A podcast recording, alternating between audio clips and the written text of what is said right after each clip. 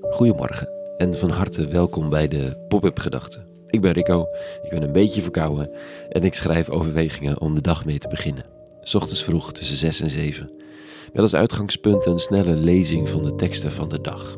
Zoals die in de katholieke kerken op deze dag gelezen zullen worden.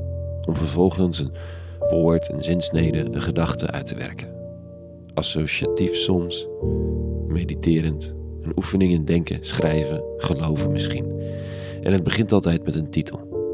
Vandaag Je vergalopperen. Pop-up gedachte donderdag 25 januari 2024.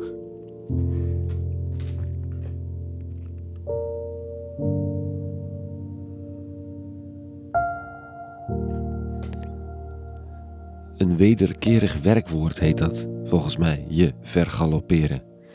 En een woord wat je voor je ziet. Het paard draaft door zoals de wereld doordraait. En je beseft te laat dat het met jou op de loop is in plaats van jij met het dier.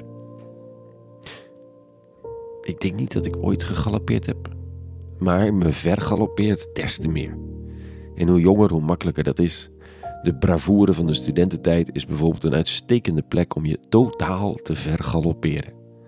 Dat je het al weet en er blijk van zult geven ook. Docenten die je dan hopeloos ouderwets vindt. Al dat gedoe.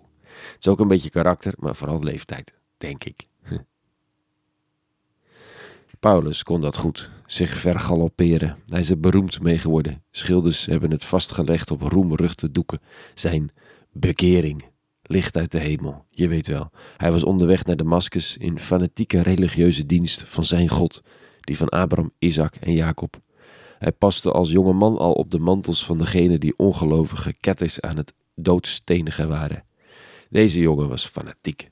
Hij mocht zelfs volksgenoten in verre steden arresteren vanwege hun ketterij, ze terugslepen naar Jeruzalem om ze daar te laten berechten.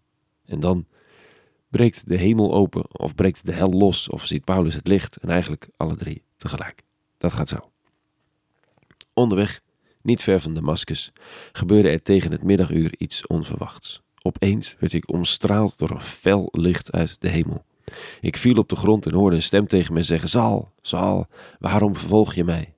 Ik vroeg: Wie bent u, Heer? En de Heer antwoordde: Ik ben Jezus van Nazareth, die jij vervolgt. De mensen die bij me waren zagen wel het licht, maar hoorden niet de stem van hem die tegen me sprak. Dus niemand kan het checken. Het was voor Paulus' oren bestemd. Maar het veranderde zijn leven volkomen. De ketters die hij vervolgde waren volgelingen van Jezus van Nazareth en nu blijkt door een soort hemelse openbaring dat zij gelijk hadden en niet hij en zijn religieuze kompanen. Paulus heeft zich vergalopeerd.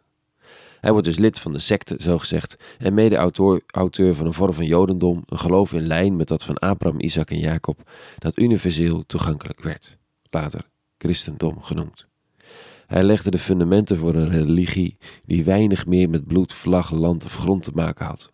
Zo nieuw dat het door tijdsgenoten voor atheïstisch en anarchistisch werd versleten. Je vergalopperen past bij gedreven mensen. Waaghalzen soms, avonturiers, mensen met een mening. En dat is een prima eigenschap, hè? Met risico's. Net als voorzichtigheid en risicomijding prima eigenschappen zijn. Met eigen risico's. De ziel van het verhaal is deze. De ijverige, gedreven doorzetter heeft soms een hemelse kool nodig. Paulus werd van zijn paard gekieperd en moest wel luisteren. En ik, kan ik het horen? Ook als niet per se de hemel openbreekt? Of ben ik zo koppig dat ik zelfs doorzet als de hemel openbreekt? Dat ik de stem van me afschud, mijn metgezellen vraag of ze iets gehoord hebben? Zo niet. Dan maar door. Want het pad was ingezet, wie A zegt moet B zeggen. En je moet afmaken waar je aan begonnen bent, want wat zullen ze thuis anders wel niet zeggen? Hm. Kan ik me bekeren? Kan ik toegeven dat ik blind was toen ik met open ogen op mijn doel afstormde? Kan ik erkennen dat ik het mis had? En dat ik nu blind ben voor wat ik wel moet doen. En dus niets anders me even te doen staat dan aan anderen vragen, aan degene die ik verfoeide. Wat moet ik doen? Dat is dan maar de les van Paulus vanochtend. Als troost dat de groten der aarde hier ook doorheen zijn gegaan als kleine jongetjes en meisjes.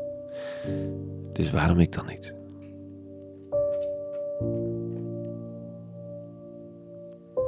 Tot zover. Een hele goede donderdag gewenst. Meer pop-up gedachten te vinden op www.popupgedachten.nl. Deel deze gedachten vooral als je wilt en wijs mensen op de WhatsApp-groep. Nog niet iedereen heeft zijn of haar weg teruggevonden naar de nieuwe WhatsApp-verzendlijst. Dat even praktisch. Belangrijker. Voor vandaag vrede gewenst voor jou.